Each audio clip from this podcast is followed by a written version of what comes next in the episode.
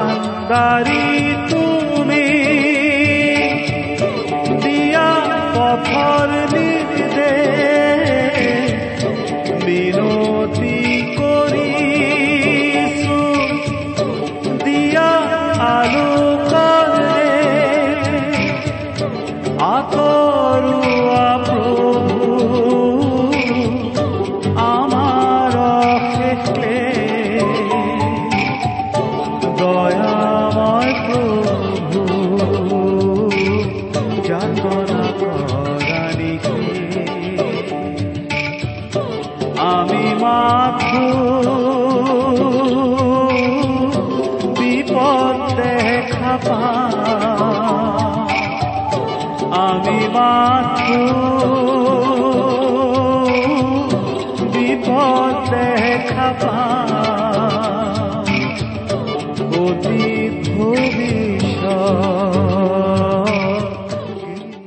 আমাৰ মহান ত্ৰাণকৰ্তা প্ৰভু যীশুখ্ৰীষ্টৰ নামত নমস্কাৰ প্ৰিয় শ্ৰোতা। আশা কৰো আপুনি ভালে কুশলে আছে। প্ৰিয় শ্ৰোতা আপুনি বাৰু আমাৰ এই ভক্তিবচন অনুষ্ঠানটো নিয়মিতভাৱে শুনি আছেনে? এই অনুষ্ঠান সম্বন্ধে আপোনাৰ মতামত আদি জনাই আমালৈ চিঠি পত্ৰ লিখিছেনে বাৰু?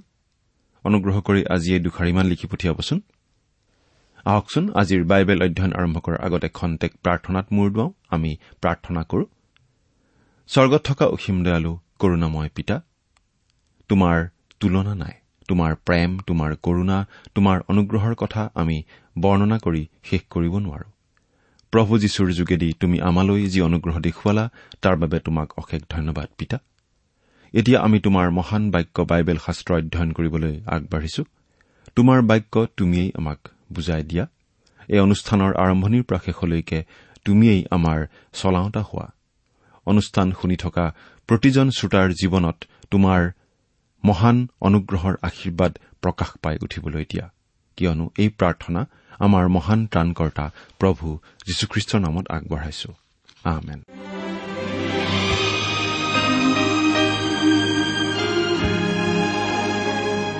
প্ৰিয় শ্ৰোতা আপুনি বাৰু আমাৰ এই ভক্তিপচন অনুষ্ঠানটো নিয়মিতভাৱে শুনি আছেনে? যদিহে আপুনি আমাৰ এই অনুষ্ঠানটো নিয়মিতভাৱে শুনি আছে তেনেহলে আপুনি নিশ্চয় জানে যে আমি এতিয়া বাইবেলৰ নতুন নিয়ম খণ্ডৰ তিমঠিয়ৰ প্ৰতি প্ৰথম পত্ৰ নামৰ পুস্তকখন অধ্যয়ন কৰি আছো। নহয় জানো? আমি এই পুস্তকখনক চমুকৈ প্ৰথম তিমঠি বুলিয়েই কওঁ। আপুনি আমাৰ যোৱা অনুষ্ঠানটো শুনিছিল নে আমি বাৰু কি আলোচনা কৰিছিলো আপোনাৰ মনত আছেনে? যোৱা অনুষ্ঠানত আমি এই প্ৰথম তিমঠি পুস্তকখনৰ দুই নম্বৰ অধ্যায়ৰ শেষৰটো পদলৈকে পঢ়ি আলোচনা আগবঢ়াইছিলো। নহয়নে বাৰু? গতিকে আজিৰ অনুষ্ঠানত আমি এই প্ৰথম তিমঠি নামৰ পুস্তকখনৰ তিনি নম্বৰ অধ্যায়ৰ এক নম্বৰ পদৰ পৰা আমাৰ আলোচনা আৰম্ভ কৰিব খুজিছো।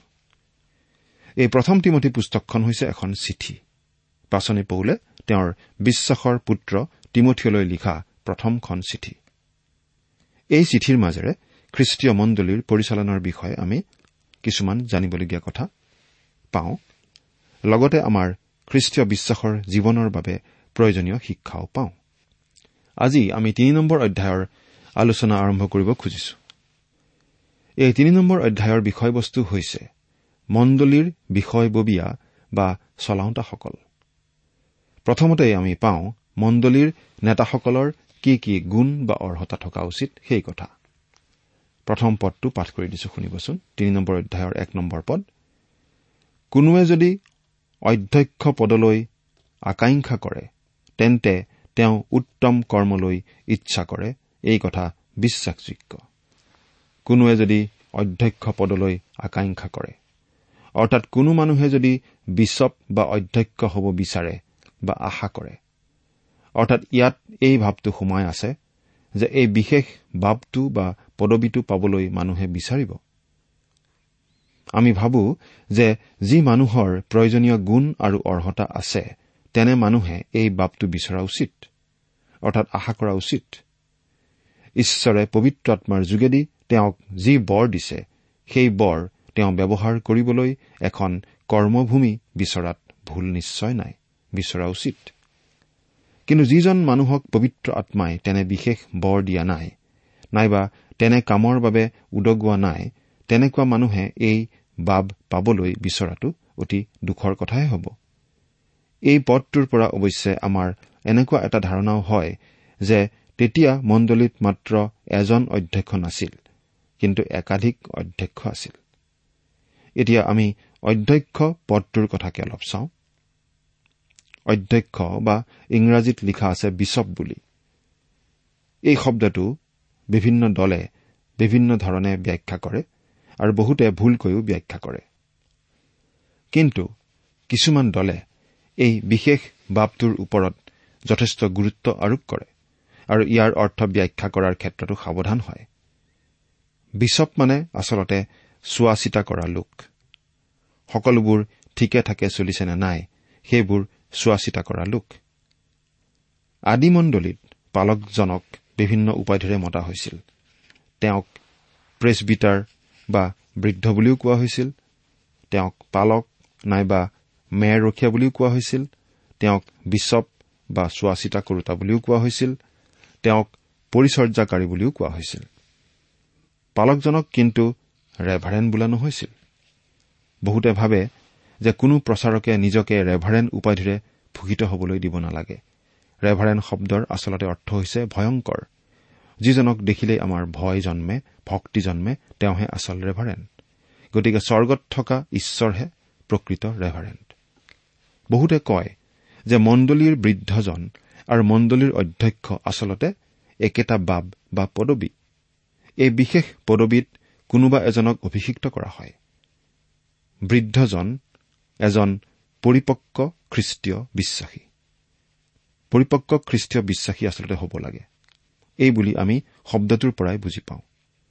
বৃদ্ধজন শব্দটোৱে গ্ৰীক ভাষাত প্ৰেছ বিউটাৰাছ বুজাই সেই পদত থকা ব্যক্তিজনক। আনহাতে বিশ্বপ গ্ৰীক ভাষাত এপিস্কপছ শব্দটোৱে বুজাই তেওঁ গ্ৰহণ কৰি থকা সেই পদবীটোক। গতিকে দুয়োটা শব্দই আচলতে একেটা পদবী আৰু একেজন ব্যক্তিকেই বুজায় বুলি বহুতে ক'ব খোজে। অৰ্থাৎ বৃদ্ধজন শব্দটোৱে বুজায় ব্যক্তিজনক আৰু বিচপ শব্দটোৱে বুজায় তেওঁৰ পদবীটোক। আদিমণ্ডলীত এজন বিচপৰ আন এজন বিচপৰ ওপৰত কোনো কৰ্তৃত্ব নাছিল। আন আন মণ্ডলীসমূহৰ ওপৰতো তেওঁৰ কৰ্তৃত্ব নাছিল। ঈশ্বৰৰ বাক্যত আমি এনে কোনো আভাস নাপাওঁ। আনকি অনেক মণ্ডলী স্থাপন কৰা পৌলেও নিজকে কোনো মণ্ডলীৰ বিচপ বুলি কোৱা নাছিল। কোনো মণ্ডলীৰ ওপৰত কৰ্তৃত্ব খটুওৱা নাছিল। গতিকে অধ্যক্ষ বা বিচপ আছিল আচলতে মণ্ডলীৰ সেৱক পৰিচাৰক। কোনোৱে যদি অধ্যক্ষ পদলৈ আকাংক্ষা কৰে তেন্তে তেওঁ উত্তম কৰ্মলৈ ইচ্ছা কৰে। অৰ্থাৎ অধ্যক্ষ পদটো ভাল পদ। এই কৰ্মটো উত্তম কৰ্ম কাৰণ এনেদৰে মণ্ডলীৰ পৰিচৰ্যা কৰাৰ এটা বিশেষ সুবিধা পোৱা যায়। গতিকে যি মানুহে এনে বাব পাবলৈ আগ্ৰহ কৰে তেনে মানুহে মণ্ডলীৰ পৰিচৰ্যা কৰিবলৈ আগ্ৰহী হৈহে এই বাব বিচাৰে আৰু বিচৰা উচিত। এতিয়া আমি তিনি নম্বৰ অধ্যায়ৰ দুই নম্বৰ পদটো পাঠ কৰি দিম। এতেকে অধ্যক্ষ অনিন্দনীয় এজনী তিৰোতাৰ স্বামী পৰিমিতভোগী বিবেচক পৰিপাতি অতিথি সেৱক শিক্ষা দিয়াত নিপুণ। প্ৰিয় শ্ৰোতা এইকেইটা হ'ল স্থানীয় মণ্ডলীৰ অধ্যক্ষ বা পালকৰ যোগ্যতা বা দৰকাৰী গুণ। এই গুণকেইটাৰ বিষয়ে আমি অলপ বহলাই চাওঁ আহক। অনিন্দনীয়। ইয়াৰ দ্বাৰা কোৱা হৈছে যে অধ্যক্ষজন সমালোচনা বা অভিযোগ বা বদনামৰ পৰা মুক্ত হ'ব লাগিব। তাৰমানে কোনেও যে অধ্যক্ষজনৰ সমালোচনা বা বদনাম নকৰিব তেনে নহয়। এইবিলাক অৱশ্যে কৰিব কিন্তু এইবিলাকত তেওঁ দোষী হ'ব নালাগিব। আনে যিকোনো কৰিলেও অধ্যক্ষজন নিজৰ সততাত স্থিৰ হৈ থাকিব লাগিব। দোষৰ পৰা তেওঁ মুক্ত হৈ থাকিব লাগিব। এতিয়া চাওঁ এজনী তিৰোতাৰ স্বামী হ'ব লাগিব। ইয়াৰ দ্বাৰা দুটা কথা বুজোৱা হৈছে। তাৰে এটা হৈছে অধ্যক্ষজন বিবাহিত হোৱা উচিত। আনটো হ'ল তেওঁৰ দুগৰাকী স্ত্ৰী থাকিব নালাগিব। এই কথা কোৱা হৈছে কাৰণ পৌলৰ সময়ত বহু বিবাহৰ প্ৰচলন আছিল কিন্তু মণ্ডলীৰ অধ্যক্ষ তেনেকুৱা হ'ব নালাগিছিল।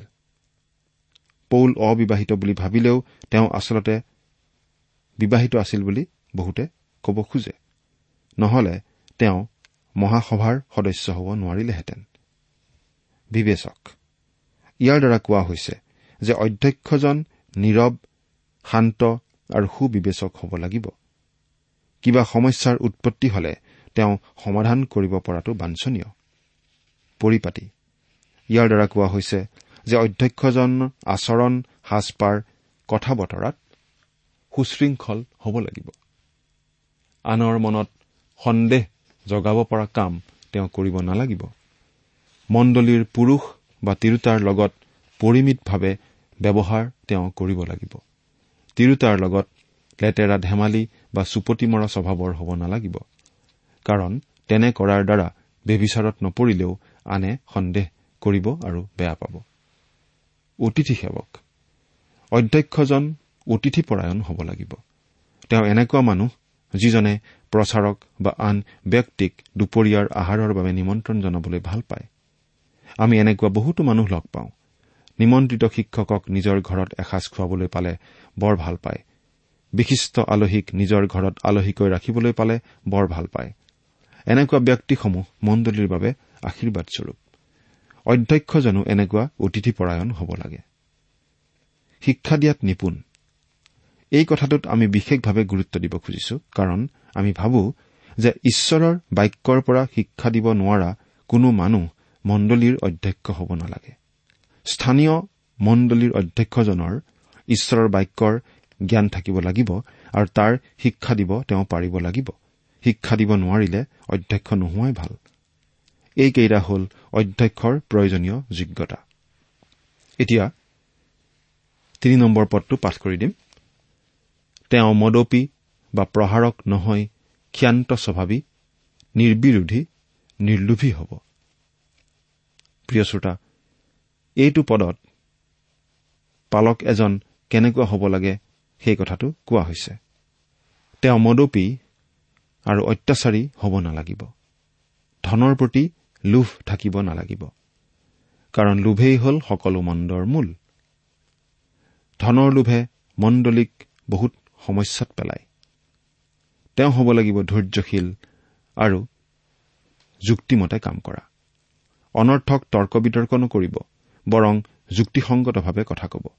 তেওঁ অসূয়া বা আপত্তিকাৰী নহ'ব। সকলোৰে দুখ বিচাৰি ফুৰা স্বভাৱৰো তেওঁ হ'ব নালাগিব। অধ্যক্ষজনে ঈশ্বৰৰ ওপৰত সৰ্বাধিক গুৰুত্ব দিব লাগিব অৰ্থাৎ ঈশ্বৰতকৈ ধন টকা পইচা আদিত বেছি গুৰুত্ব দিয়া হ'ব নালাগিব। এতিয়া চাৰি আৰু পাঁচ নম্বৰ পদ দুটা পাঠ কৰি দিম। নিজৰ ঘৰৰ বিলাকক উত্তম ৰূপে শাসন কৰা আৰু সম্পূৰ্ণ ধীৰভাৱে নিজ সন্তানবিলাকক বহত ৰখা লোক হ'ব লাগে। কিন্তু কোনোৱে যদি নিজৰ ঘৰবিলাকে শাসন কৰিব নাজানে তেন্তে তেওঁ কেনেকৈ ঈশ্বৰৰ মণ্ডলীৰ তত্বাৱধান কৰিব? প্ৰিয় শ্ৰোতা ইয়াত স্পষ্টকৈ কোৱা হৈছে যে মণ্ডলীৰ অধ্যক্ষই প্ৰথমে নিজ ঘৰখনক দায়িত্বৰে অথচ অত্যাচাৰী নোহোৱাকৈ শাসন কৰিব পাৰিব লাগিব আৰু নিজ সন্তান আৰু ঘৰৰ তত্বাৱধান ল'ব লাগিব। নিজৰ ঘৰ চলাব নোৱাৰা লোকে ঈশ্বৰৰ মণ্ডলী কেনেকৈ চলাব? ছয় নম্বৰ পদ শুনিবচোন।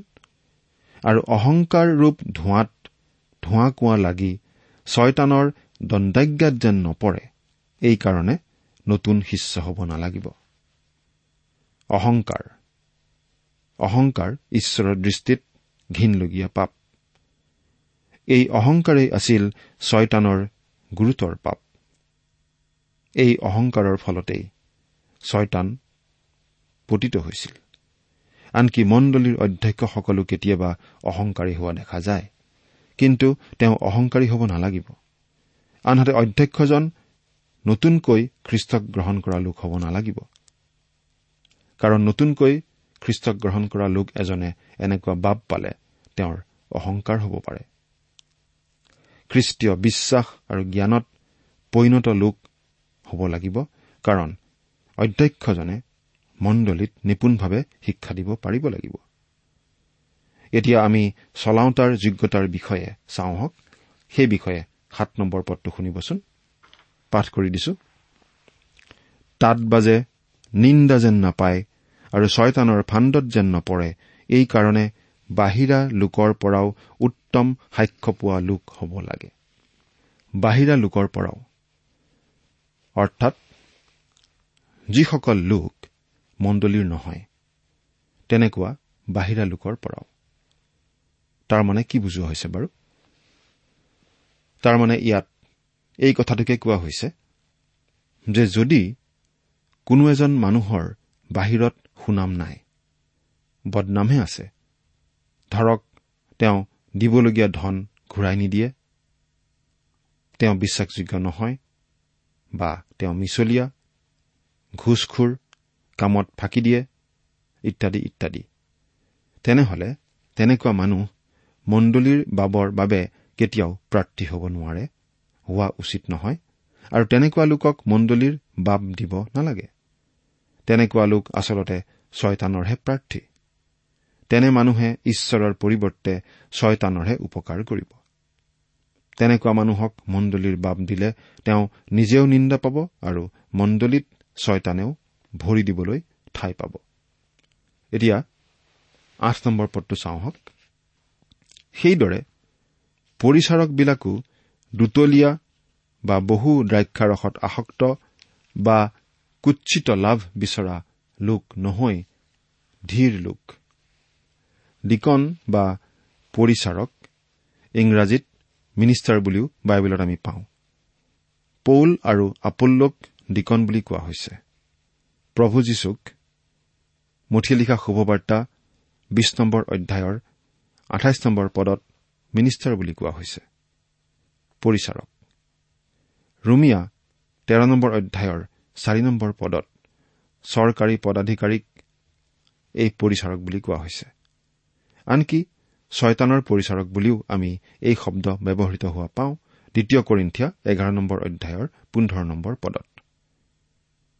ডিকন বা মিনিষ্টাৰ এই দুটা শব্দৰ অসমীয়া প্ৰতিশব্দ হিচাপে আমাৰ বাইবেলত পৰিচাৰক শব্দটো ব্যৱহৃত হৈছে। আৰু ইয়াৰ সাধাৰণ অৰ্থ হৈছে এজন কৰ্মী বা দাস। পাচনি কৰ্ম ছয় নম্বৰ অধ্যায়ত আমি এটা বিশেষ ঘটনাৰ বিষয়ে পঢ়িবলৈ পাওঁ যেতিয়াৰে পৰা খ্ৰীষ্টীয় মণ্ডলীত পৰিচাৰকৰ পৰিচৰ্যা আৰম্ভ হোৱা বুলি ধৰিব পাৰি। পাচনি কৰ্ম ছয় নম্বৰ অধ্যায়ৰ দুই নম্বৰ পদৰ পৰা চাৰি নম্বৰ পদলৈকে পাঠ কৰি দিছো। তেতিয়া বাৰজন পাচনিয়ে শিষ্যসমূহক মাতি আনি কলে ঈশ্বৰৰ বাক্য এৰি মেজৰ পৰিচৰ্যা কৰা আমাৰ উচিত নহয়। এতেকে সেই ভাইবিলাক আমি যিবিলাকক এই কৰ্মৰ ভাৰ দিব পাৰো সুখ্যাতি পোৱা আৰু আত্মাৰ জ্ঞানেৰে পৰিপূৰ্ণ হোৱা এনে সাতজনক তোমালোকৰ মাজৰ পৰা চাই লোৱা। কিন্তু আমি প্ৰাৰ্থনাত আৰু বাক্যৰ পৰিচৰ্যাত লাগি থাকিম। তাত কিন্তু ডিকন শব্দটো ব্যৱহৃত হোৱা নাই। কিন্তু সেই লোককেইজনে আচলতে ডিকন অৰ্থাৎ পৰিচাৰকৰ কামেই কৰিছিল। পৰিচাৰকজনে যদিও মণ্ডলীৰ বিভিন্ন কাম কাজ আদিত সহায় কৰে তেওঁ কিন্তু আম্মিক মানুহে হ'ব লাগে। আমি কিন্তু মানুহ এজনৰ জাগতিক অৰ্হতা আদিলৈহে বেছিকৈ চাওঁ। আৰু আম্মিক দিশটোৰ কথা পাহৰি যাওঁ।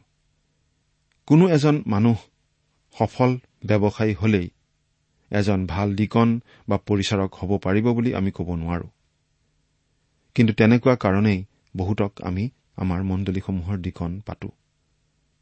যদিও খ্ৰীষ্টীয় মণ্ডলীয়ে ব্যৱহাৰিক জীৱনৰ যোগেদি প্ৰভু যীশুখ্ৰীষ্টক সমাজৰ আগত প্ৰকাশ কৰিব লাগে যদিও জাগতিক দিশত কৰিব লগা বহুতো কাম থাকে। তথাপি আমি বিশ্বাস কৰো যে খ্ৰীষ্টীয় মণ্ডলীৰ এটা আধ্যামিক পৰিচৰ্যাও আছে সমাজখনৰ প্ৰতি সম্প্ৰদায়টোৰ প্ৰতি। আমি জাগতিক অৰ্হতাক আগস্থান দিব বিচাৰো কিন্তু আচলতে আম্মিক অৰ্হতাক আমি অধিক গুৰুত্ব দিব লাগে কাৰণ সেইটোহে অধিক গুৰুত্বপূৰ্ণ। খ্ৰীষ্টীয় বিশ্বাসী হিচাপে আমি এই জগতৰ মাজতে আছো সেইটো সঁচা কথা। কিন্তু এই জগতৰ প্ৰতি থকা আমাৰ দায়িত্ব পালন ঠিকমতে কৰিবলৈ হলে আমাৰ আম্মিক জীৱনটো ঠিক হ'ব লাগিব। গতিকে ডিকন বা পৰিচাৰকসকলৰ কিছুমান আম্মিক অৰ্হতা থাকিব লাগিব। পৰিচাৰকসকল কেনেকুৱা হ'ব লাগিব তাৰ তালিকা এখন আমি ইয়াত পাইছো। পৰিচাৰকবোৰ দুতলীয়া হ'ব নালাগিব। তেওঁলোক দুমুখীয়া লোক হ'ব নালাগিব। মানুহৰ কথাৰ এটা গুৰুত্ব থাকিব লাগে।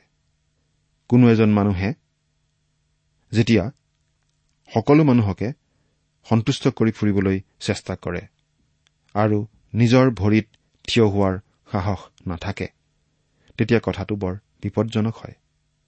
তাৰমানে অৱশ্যে তেওঁ একনায়কত্ববাদী শাসক যেনো হ'ব নালাগে। কিন্তু সকলো সময়তে কথা সলাই থকা লোক হ'ব নালাগে। তেওঁ মুখত যি কথা অন্তৰতো সেইভাৱেই থাকিব লাগে। মুখত এক পেটত এক এনেকুৱা দুতলীয়া মানুহ হ'ব নালাগে। পৰিচাৰকজন বহু দ্ৰাক্ষাৰসত আসক্ত হ'ব নালাগিব। বাইবেলে আমাক পৰিমিত স্বভাৱৰ হবলৈ শিকাইছে। মদ্যপানৰ বিৰুদ্ধে শিকাইছে। অৱশ্যে সেই সময়ত কেতিয়াবা দৰৱ হিচাপে দ্ৰাক্ষাৰস ব্যৱহাৰ কৰিব লগা হৈছিল। সেইবাবে দ্ৰাক্ষাৰস একেবাৰে হাতেৰে স্পৰ্শ কৰাই পাপ সেই বুলি বাইবেলত শিকোৱা হোৱা নাই। কিন্তু মদ বা দ্ৰাক্ষাৰস নিচা হিচাপে ব্যৱহাৰ নকৰা কথাটোহে আমাক বাইবেলত শিকায়। কিন্তু দৰৱ হিচাপে বেমাৰত কেতিয়াবা দ্ৰাক্ষাৰস পাণ কৰিব লগা হয়। তিমঠীৰ শৰীৰৰ দুৰ্বলতাৰ বাবে পৌলে তিমঠিলৈ লিখিছিল যাতে তেওঁ কেৱল পানী নাখায় অলপ অলপ তাৰ লগত দ্ৰাক্ষাৰসো মিহলায় কিন্তু দ্ৰাক্ষাৰস বা মদ নিচা হিচাপে ব্যৱহাৰ কৰাতহে বাধা আৰোপ কৰা হৈছে।